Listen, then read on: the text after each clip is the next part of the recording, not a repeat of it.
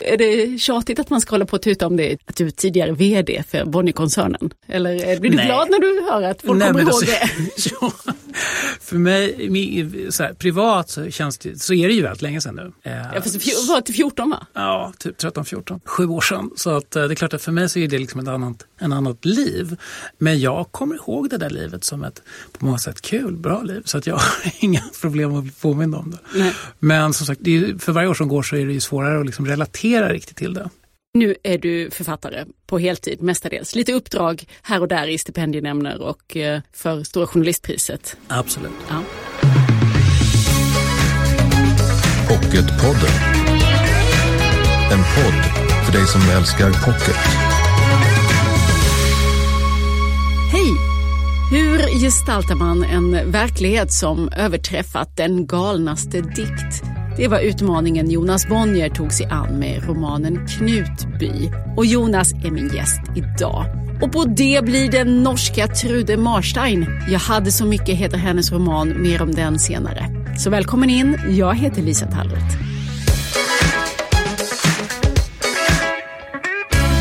Så hej, Jonas Bonnier, författaren då. Välkommen till Pocketpodden. Tack. Knutby ska vi prata om idag. Det är en roman, det står det ju till och med på omslaget.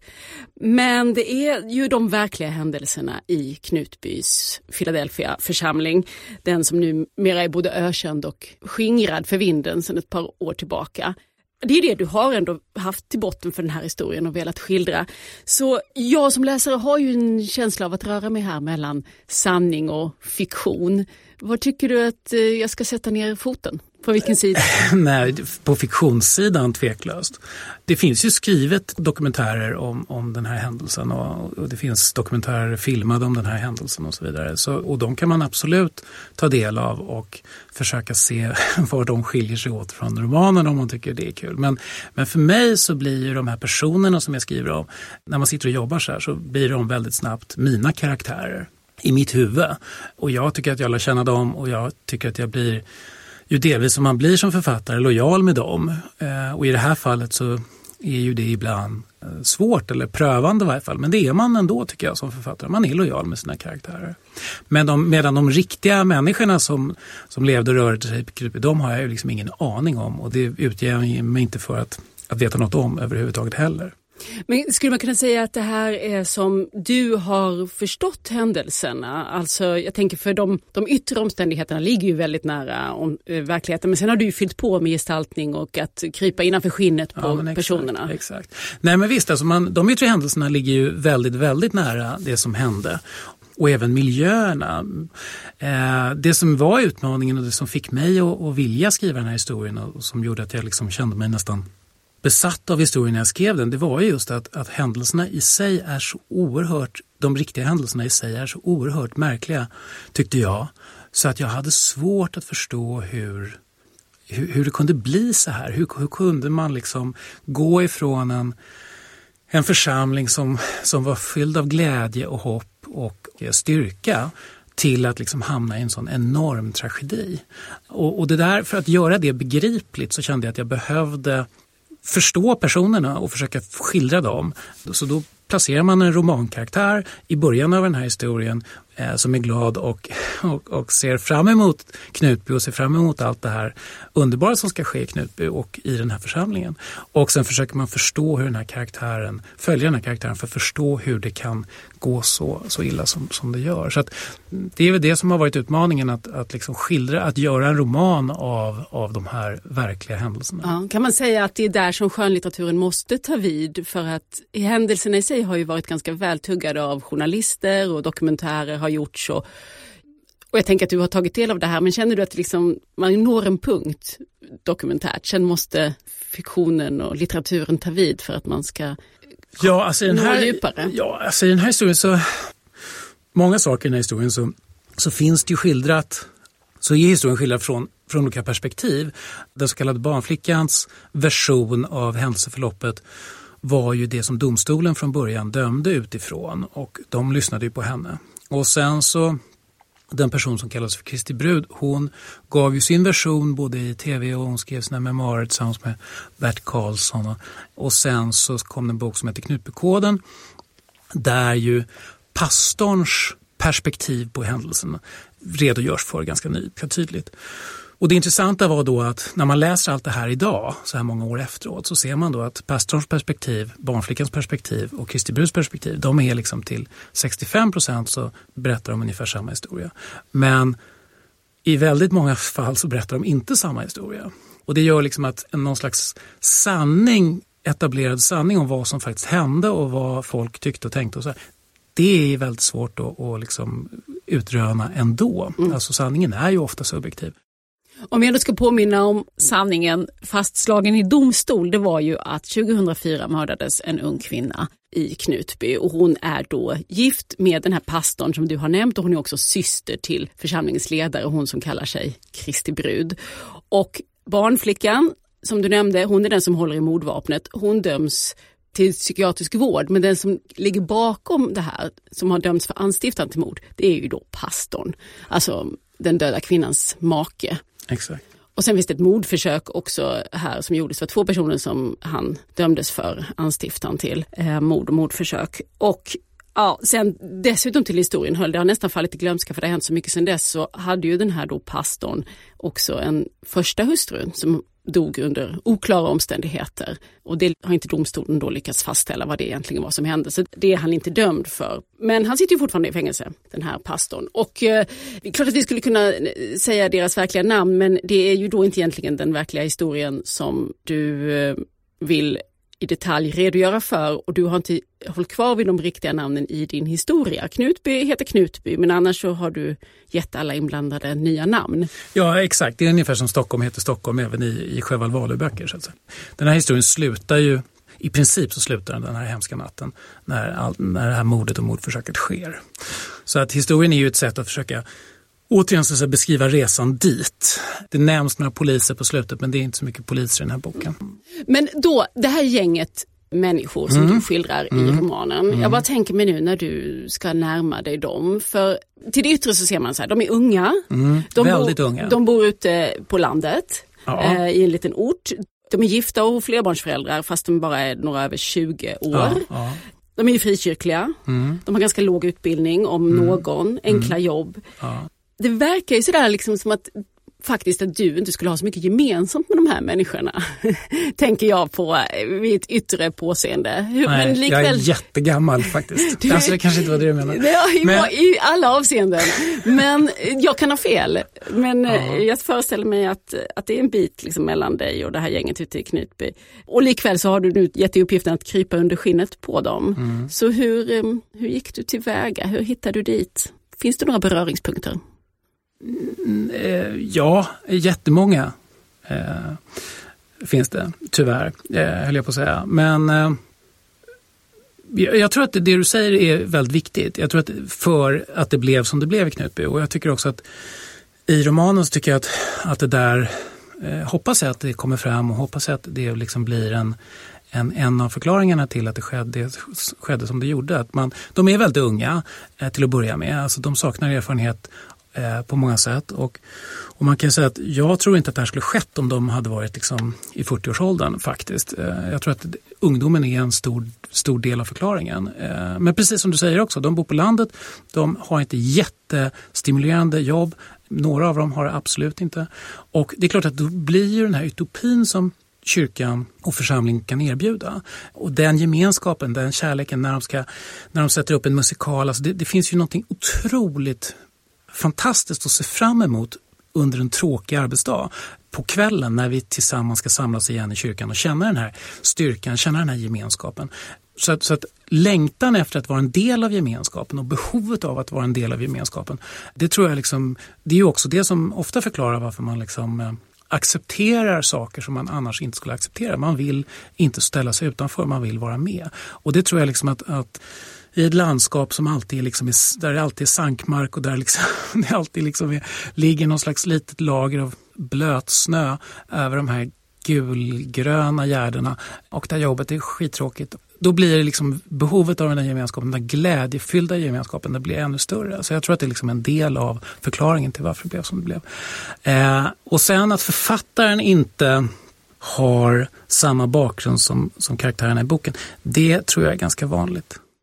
Jo det kan det vara, men jag tänker att du ändå måste, du måste ju försöka förstå dem. Jag upplever att jag, att jag gör det och jag upplever också, så här, precis som jag sa, att, att jag upplever ju inte bara att jag förstår dem utan jag upplever ju också att jag kan, kan sympatisera med dem.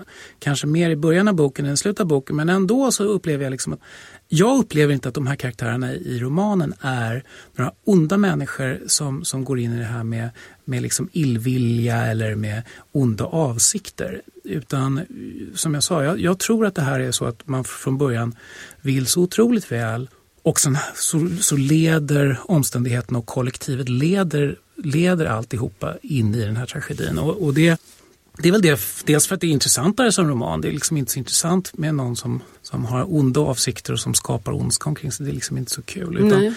När började det glida skulle du säga? Ja, men det sker ju successivt och det sker runt ett köksbord i en ständig diskussion om hur världen och verkligheten ser ut. Och, och jag, tror att, eh, jag tror att den här idén om Jesus återkomst, eh, snara återkomst, är liksom nyckeln till det. När man väl etablerar den tanken på riktigt och säger att jo men han kommer komma tillbaka. Det, nu har vi liksom, sen om det är tre år eller fem år eller sju år, men, men han kommer komma. Är vi redo för det och vad, hur, hur ser världen ut då?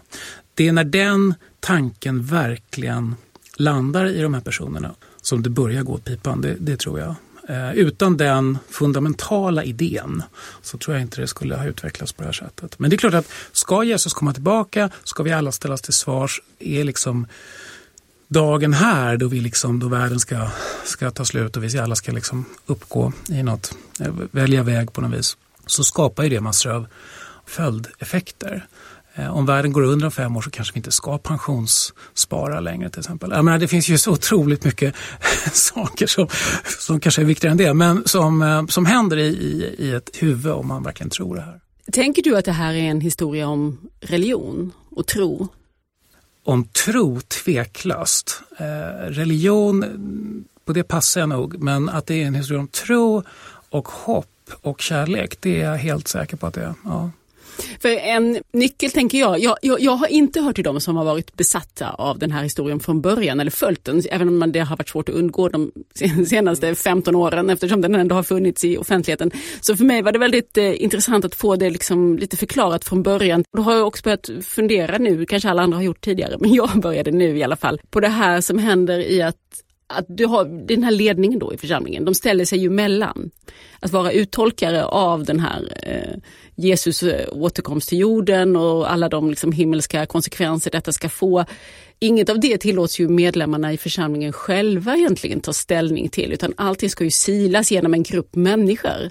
Ja, alltså de, alla i församlingen har ju, du har rätt i att det ska silas genom en grupp människor men traditionen i Philadelphia-församlingar är ju att man tror ju väldigt mycket på profetier och man, uttolkandet av hur Bibeln egentligen ska läsas pågår ju kontinuerligt. Det är liksom inget avslutat arbete. Och sen är det klart att, att den uttolkningen ska ske av personer som har större erfarenhet och större kunskap än andra. Men alla är ju uppma alltså är ju liksom uppmuntrade att komma med input och komma med liksom idéer och förslag. Och jag menar just de här profetiorna, som, och även i romanen där så skickas det ett par profetior som är anonyma som man liksom inte riktigt vet vem som skriver ändå, men, men de tas upp. Och sen kan man ju säga att de här kloka personerna som ska uttolka profetiorna, de äldre personerna i församlingen, ofta så, så avfärdar de väl profetiorna som en dröm eller som, som någonting som inte sker. Men då och då så, så tar de ju ändå ad notam på, på det som skrivs och det som, som har upplevts av församlingsmedlemmar och försöker infoga det i sin idé om hur, hur världen och hur religionen ska uttolkas. Så, att, så att det är ju liksom en, det, det, är ju ändå en process som alla deltar i även om naturligtvis det finns de som har en, en, en bättre möjlighet att ta ställning till vad som är rimligt och orimligt i den här kontexten. Ja, för att i din, i din roman så ligger vi ju närmast ledningen, några ja, karaktärer. Absolut. Och, och, då tänker jag att där verkar det ju som att um, det ganska snabbt är deras mänskliga begär och drifter som kommer att komma i fokus. Det är liksom... Absolut, men alltså i det här fallet så de som utses till pastorer i Knutby när församlingen bestämde sig för att växa och bli stor i slutet på 90-talet. Det var ju inte personer med någon akademisk bakgrund eller de hade inte läst teologi och det var inte präst utan det här är ju ganska vanliga människor. En snickare eller en busschaufför som blir pastorer. Och, och, som, som vi sa tidigare, ganska oerfarna och liksom runt 25. Och det är klart att deras möjlighet då att, att lägga ett, liksom ett, ett lager av kunskap på det som de är tvungna att ta ställning till, alltså Jesus återkomst och finns det någonting som är en Kristi, i Kristi brud mer än en kan det vara en person och sådär.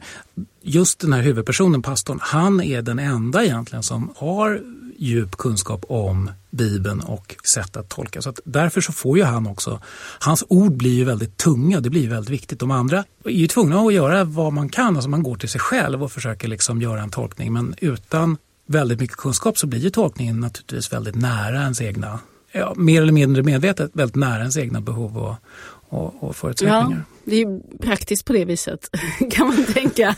Men, men så var, i, i, din roman här så spelar ju kärleksrelationer och sex en stor roll i, i händelseförloppet. Hur kommer det sig? Ja, hur kommer det sig? Nej, men det var... Blir du generad Nej, men absolut inte. Jag, tycker jag, jag, tycker, jag tog bort väldigt mycket sex tyckte jag själv. Eh... Men det handlar ju mycket om relationer vem, eh, och förälskelser och att vem ska vara Nej, med men absolut. vem. Och... Nej, men det handlar ju väldigt mycket om mm. sex också, mm. tveklöst. Och jag menar, det finns ju en... Eh, här är en massa människor i 25-årsåldern som, som uppenbarligen gillar varandra. Och, eh, så, så det, är liksom ingen, det tycker inte jag är så konstigt. Det konstiga är väl att man å ena sidan upplever att det här löftet till Gud när man gifter sig är väldigt eh, centralt och viktigt och heligt. Eh, man ska vara trogen och så vidare. Och att man då samtidigt säger att för personer som liksom är troende och är heliga så finns det liksom en, någon slags annan nivå på moral där man liksom samtidigt kan ha sexuella relationer utan att det ska ses som otrohet. Det, det där blir ju väldigt svårt helt enkelt. Och eh, men med den idén så blir det ju väldigt många relationer och väldigt mycket sex. Och det, det är klart att eh, det som gör det här speciellt märkligt det är ju att de här fem husen som, som de här personerna i boken bor i, de fem husen ligger liksom i, i en geografiskt lite avsides och väldigt nära varandra och nästan alla de här giftermålen och otrohetsaffärerna utspelas mellan de här personerna i de här fem husen. Så det blir ett väldigt spring mellan husen om nätterna helt enkelt. Ehm, så det är klart att det skapar liksom oerhörda problem och, och det är väl det som just då huvudpersonen, pastorn, liksom förlorar sig i och det är väl det som gör att han, han hamnar till slut i en situation som han som han eh, i romanen då bestämmer sig för att lösa på ett sätt som inte är bra. Men fattade du det liksom från början när du började tänka på den här historien eller var det när du, när du började fördjupa dig i vilka motiv de egentligen kunde ha? När man läser, som jag sa, då, när man läser både Barnflickans, pastorns och Kristi Bruds egna versioner av vad som har hänt så, så finns det ju ingen tvekan om att det här eh, blir en väldigt påtaglig del av deras historiebeskrivning. Så att för dem var det nog en väldigt stor del och även i i domstolens domslut så var det ju också en väldigt stor del av det. Så, att, så att för mig så blev det liksom en självklar del av den här intrigen. Sen har jag kanske då gjort om det här förstås. Men att det är en stor och viktig del av att det här gick åt, åt pipan för församlingen, det finns ingen tvekan om. Mm. Och eh, kanske ligger lite av lockelsen eller intresset för den här historien i alla de här ingredienserna nu. nu det kokar ihop här till en ganska häftig brygd får man ju säga. Du har, vi har både tro och eh, religiös fanatism mer eller mindre. Det är sex och eh, otrohetsrelationer och sen är det dessutom eh, mord på det. Ja, men det... Det, det är ju väldigt mycket drama. Det är oerhört mycket drama. Det är väl det också som gör att man kan känna väldigt stor olust kring den här historien av precis samma skäl. Att det är liksom för mycket religion och sex och mord. Spännande är liksom ett fel ord som man helst inte använder. Alltså det är ett märkligt ord. Jag känner själv att jag inte riktigt vill använda det ordet i det här sammanhanget. För att när man skriver en roman som är så verklighetsnära som den här så alla vet ju i Sverige i princip hur det ska gå. Så, att, så att det är ju liksom inte spännande på det sättet utan jag tycker att spänningen består i hur kloka, normala, vänliga människor kan hamna i ett sånt här läge. Det är ju det som är spännande tycker jag, psykologiskt att följa, följa den här dynamiken, att, att gruppen kan, kan påverka enskilda personer på det här sättet och ens behov av gemenskap, ens behov av kärlek får en att hamna i en situation som är, är så, så fruktansvärt eh, utsatt. Och det tycker jag är väldigt mänskligt. Det händer ju hela tiden så att säga. Och jag menar, det finns ingen jag kommer ihåg att jag läste Matilda Gustafssons Klubben som ju alla har läst vid det här laget. Och någonstans så går det ju inte att komma runt att man ser så väldigt mycket paralleller. Knutby mellan... Svenska Akademin. är det de du nu nej, jag, det, det, var ju du som sa det. Men alltså, jag tycker det var du som nej, sa det. Jag, nej, jag sa det faktiskt inte. Du sa det. Men, men alltså, just den här idén om att en liten grupp människor ger sig själva en makt, upphöjer sig själva till att bli någonting finare och bättre än omvärlden och sen när det har hänt börjar ta sig friheter och börjar liksom fatta beslut som egentligen är obegripliga i någon slags annan kontext men i deras egen slutna värld så blir allting ganska rimligt och ganska normalt. Det tycker jag är väldigt tydligt i klubben och jag tycker nog att jag kan se precis samma sak i min roman. Aha. Där finns de allmänmänskliga lärdomarna, ja. tänker du? Eftersom det någonstans ändå finns verkliga människor i botten, även om du i romanens form vill lämna dem lite därhän, så är det ju lite tvegat där när man, när man pratar om att det är spännande. Men jag tänker ändå att den här historien hade inte fått den där kraften och det stora intresset om det inte var för att det kittlar någonting i oss. Det är så mycket av det som vi inte tänker att vi vill eller får vara själva. Vi har inte plats för mystik och förtrollning och eh, sexuella utsvävningar grannar emellan. Fast det är kanske det som alla drömmer om egentligen. alltså, känns här, vad... Är det för att det är verkliga människor som du tar emot för dig att tänka att det är kittlande? Jag, jag vet inte riktigt vad som är vad som är normalt och vad som är kittlande och så. Men, men du har ju rätt i att i romanen Knutby så, så är det ju väldigt många sådana här verklighetsuppfattningar som, är, som blir väldigt speciella jämfört med det stora flertalet i Sverige. Så är det. Och framförallt då sen så, så på slutet så blir det ju direkt brottsligt, det blir en kriminell handling. Men, men väldigt länge i den här romanen i varje fall så, så 95 procent av den här romanen utspelar sig i en slags relationsroman där inget kriminellt händer, även om deras verklighetsbild är väldigt annorlunda från, från min till exempel. Mm. Det här är ju um, andra gången du tar dig an en verklig händelse och bygger en, en roman kring. Du skrev om helikopterrånet för um, några år sedan. Är det här en form som du har hittat som du trivs med? Eller, ja, nej men absolut. Ja, ja. Är det slumpen som har gjort att det har blivit nej, två böcker? Nej, men det, det, är nog en form som, jag, som, jag, som, jag, som fungerar för mig. Jag trodde att det här var liksom en genre men sen har jag förstått, det är ju tre, fyra år sedan som jag skrev Helikopterrånet och sen dess har jag förstått att det är nog bara jag som skriver den här genren. så, så ja, det är true så, crime eller vad ja, ska fast vi kalla det är ju inte true crime. Min förläggare föreslog att vi skulle kalla det för true crime fiction. Mm, ja. ja och, och, true crime fiction är då en, en genre som jag inte har hört talas så mycket om. Men eftersom jag inte är så intresserad av brott, så vare sig Helikopterrånet eller den här boken, så är det nog snarare pre-true crime fiction som är min genre. Och det, det låter ju lite smal, men den är spännande tycker jag och intressant. Så, att, så att jag tycker att det, det kan nog vara min genre. Jag tror att det finns något positivt i att jag har ju en fantasi som, är, som tyvärr är den är väldigt rörlig. Eller, så den, den, är svår att liksom begränsa och, och det blir inte alltid lyckat av det skälet. Det blir liksom lite för mycket av allt kan man säga. Så att om jag är tvungen att inordna mig i en, i en historia som, som har hänt och en kronologi och, eh, så, så passar det mig väldigt bra för att då är jag tvungen att liksom hålla tillbaka och dämpa liksom på något vis. På så sätt så, så tycker jag att det här är en bra genre för mig. Det finns ju gott om verkliga märkliga händelser. Har du något du funderar på nu? Det finns gott om det och, eh, och det är absolut så att jag tänkte nog jag skulle skriva några böcker till i den här genren. Men det gäller att hitta händelser som jag själv är fascinerad av. Där jag själv känner att det här är verkligen spännande. Hur kan det här ha hänt? Och det, det har ju ofta med personerna att göra, eller rätt sagt det har helt och hållet med personerna att göra och väldigt lite med själva händelsen i sig att göra. Så att det är ju det man letar efter. Var finns det personer som, som har gjort saker som vi alla känner till eller har hört talas om och som, som också tror jag har präglat Sverige lite grann. För det är väl det som också känns som, som de här sakerna där jag liksom letar och där jag tittar och där jag tänker och där jag jobbar just nu. Så, så är det också händelser som liksom vi har som en slags gemensam erfarenhet eh, i Sverige. Knutby är ju en sån. Jag är precis som du, jag tittade också bara på löpsedlarna när det en gång begav sig. Jag, jag läste liksom aldrig riktigt om det här. Men ingen kunde undgå Kristi brud och barnflickan på den tiden. Och nu har det ju då tagit ett nytt varv det senaste året med de här rättegångarna. Så, att, så att det här är liksom en del av vårt gemensamma kollektiva minne i Sverige. Och den typen av händelser är ju spännande. Kan man kombinera det med personer som dessutom man blir lite fascinerad av så, så tror jag absolut att det finns fler böcker att skriva. Mm. Är det så nära vi kommer att, att få veta ungefär vad som rör sig i huvudet på Jonas Bonnier för närvarande? Eller?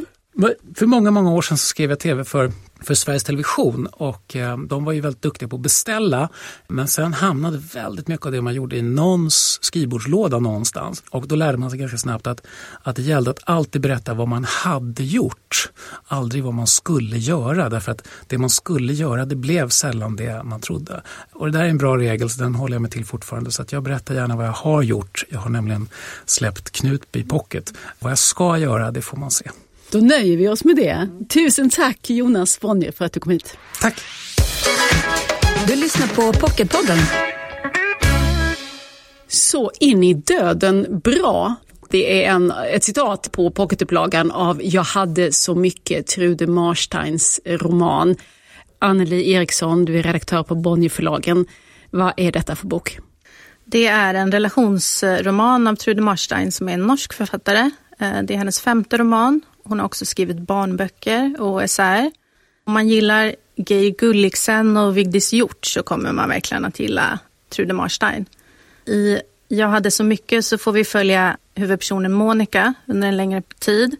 Eh, Marstein gör nedslag i, i hennes liv. Hon är 13 år och älskar hästar och förlorar oskulden till en mycket äldre ridlärare. Hon är 27 år och älskarinna åt en äldre professor. Och tio år senare så lever hon med Geir och de bor i ett radhus och har dottern Majken. Eh, så det är olika män. Hon går från förhållande till förhållande och har en inre rastlöshet kan man säga.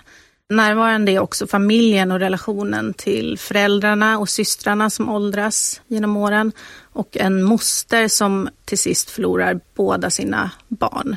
Det är väldigt drabbande och äkta när Marstein skriver. Hon, det låter ganska klyschigt men hon, hon skriver liksom precis om livet som det är och hur, som det kan vara. Upp och ner, det är stora känslor, det är långtråkigt och Monica är väldigt rastlös som person.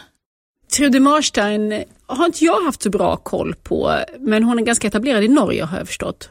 Ja, det är som sagt hennes femte roman. Hon har gett ut fyra, tror jag det är på svenska, eller om alla faktiskt är utgivna på svenska. Men det här har nog varit hennes stora genombrott ändå. Den blev eh, nominerad till Bragepriset i Norge. Det är en riktig romanroman som hon har fått ett eh, genomslag med. Och du kopplade ihop henne med Geir Gulliksen och Vigdis Hjort, två andra välkända norska författare. Och du sa innan att det är något norskt över den här. Vad, vad skulle det kunna vara? Ja, det finns en, en, en ton i den som är lite svårt att, att sätta fingret på. Men dels är det att det är en bra nutidsskildring och också att de alla tre skriver om relationer på ett så speciellt sätt. Det är ganska utelämnande och naket. Och det gör att man som läsare också fäster sig vid de här huvudpersonerna. Det finns en röd tråd mellan de här författarna ändå. Mm. Trude Marstein, alltså Jag hade så mycket, heter boken vi pratar om. Tusen tack Anneli Eriksson. Tack.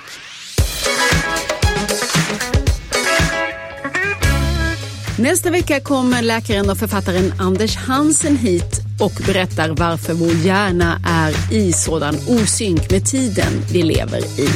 Det är något som inte stämmer och det ska vi prata om nästa gång här i Pocketpodden. Tills dess följ oss gärna i sociala medier. Där heter vi Älskar Pocket och jag heter Lisa Hall. Hej då! Du har lyssnat på Pocketpodden. En podd från Bonnierförlagen.